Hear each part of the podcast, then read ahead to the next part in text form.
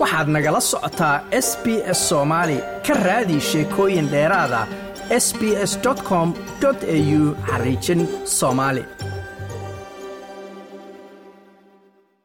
iyada oo labadii maalin ee ugu dambeysay dagaal culus uu ka dhacay tuulooyin hoostaga degmada maxaas ee ka tirsan gobolka hiiraan iyo deegaano kale oo ka tirsan gobolka galgaduud kaasi oo u dhexeeya ururka al-shabaab iyo dad la sheegay inay si iskooda isu soo abaabuleen kuwa oo gacan ka helaya ciidamada maamulada iyo dowladda dhexe ee soomaaliya. Ayaa waxaa weli deegaanadaasi laga soo sheegaya dhaqdhaqaaqyo iyo dhiilo dagaal oo u dhexeeya labada dhinac.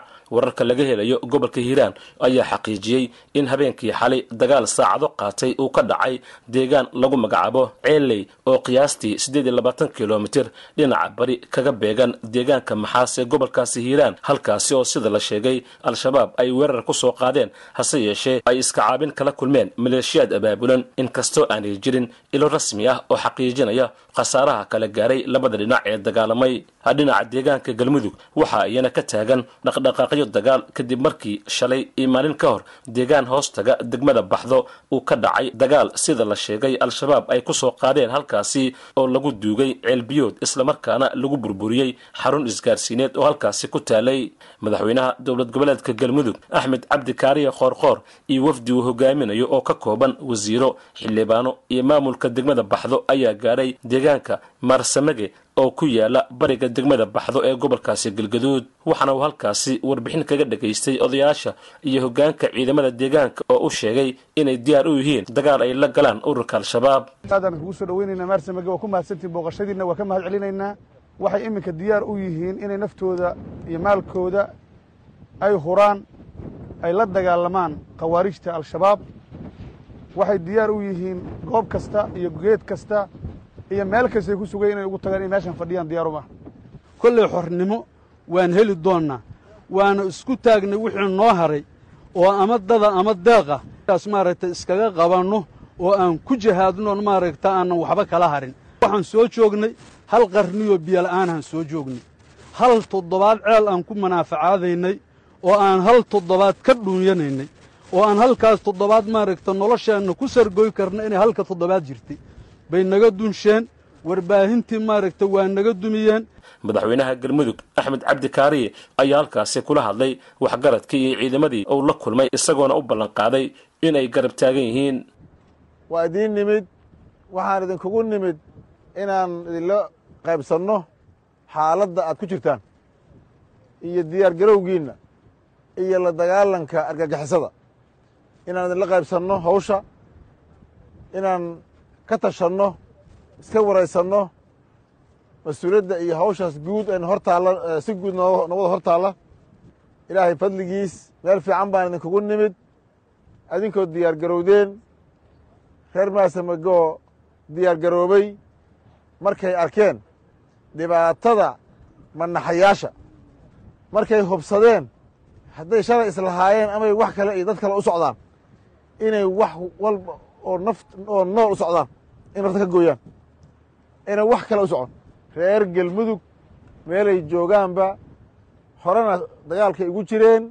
Haddana haddii ilaahay yidhaahdo maanta waxa socda iyo meesha ay soo gaareen argagixisadii oo bahalnimadooda ay soo gaartay waa meelna wada kulminaysa oo dagaalkii aan ku jirnay noo toon jibaaraysa insha allahu tacaala. Saas darteed waana guulaysanaynaa insha allahu tacaala.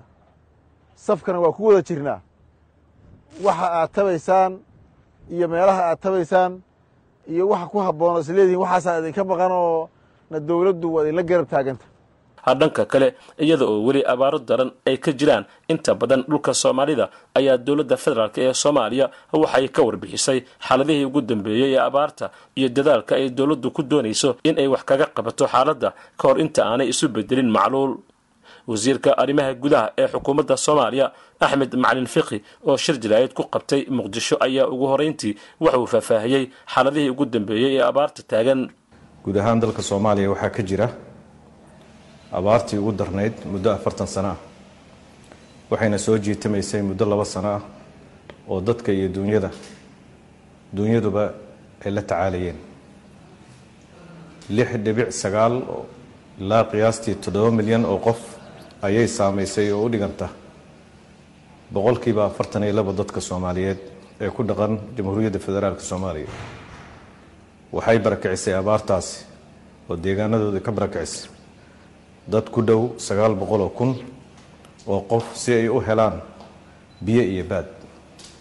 Halka hal dhibic shan ama malyan iyo bar carruur ay la ildaran yihiin nafaqadarro ba'an inkastoo guud ahaan dalka si siman ay u saameysay haddana xogta ay dowladda federaalka ee soomaaliya hayso waxaa ka mid ah in dhulka ay ku dhaqan yihiin xoolo dhaqatada iyo beeraleyda gobolka baay iyo bakool reer miyiga gobolka gado deegaanada cadduunka ah iyo hawdka ku yaal gobollada hiiraan galgaduud mudug nugaal sool iyo tugdheer ay abaartaasi saamaysay.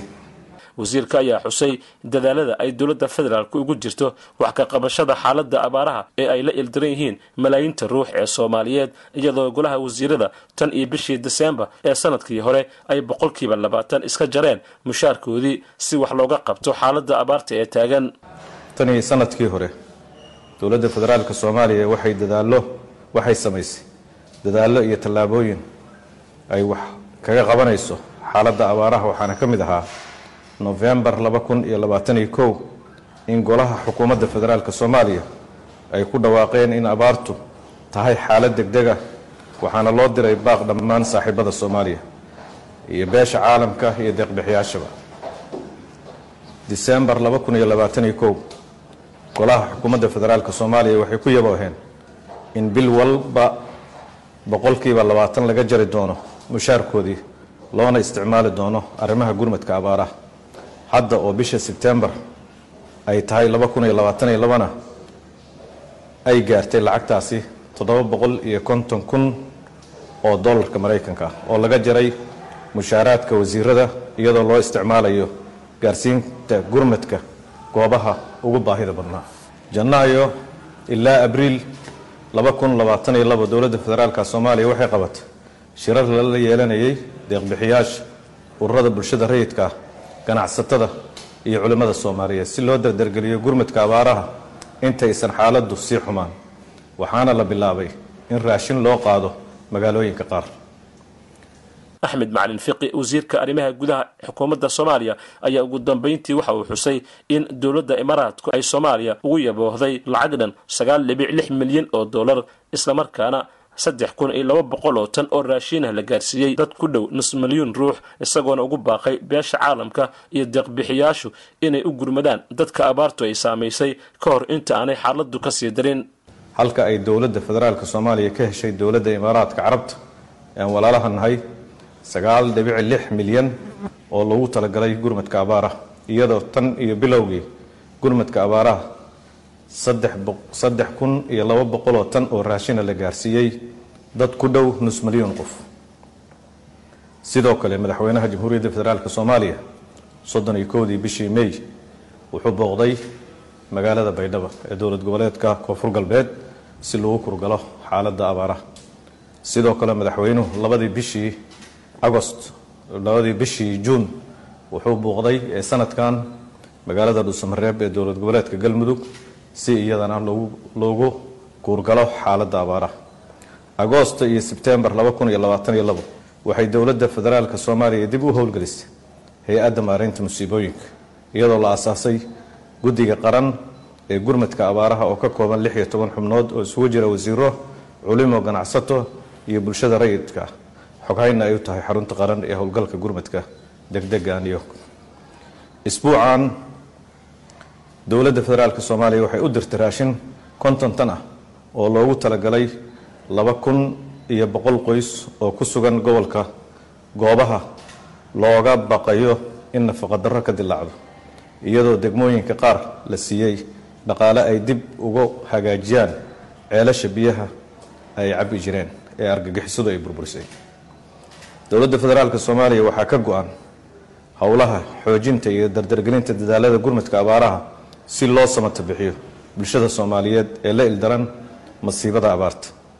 Dowladda federaalk soomaaliya waxay ugu baaqaysaa dhammaan bulshada soomaaliyeed saaxiibada soomaaliya beesha caalamka iyo deeqbixiyaasha in loo kaco sidii loogu gurman lahaa bulshada ku tabaalaysan saamaynta abaaraha loogana hortegi lahaa in xaaladda bini aadamnimo ay ka sii darto like aas la wadaag wax ka dheh lana soco barta facebooka ee sb s soomaali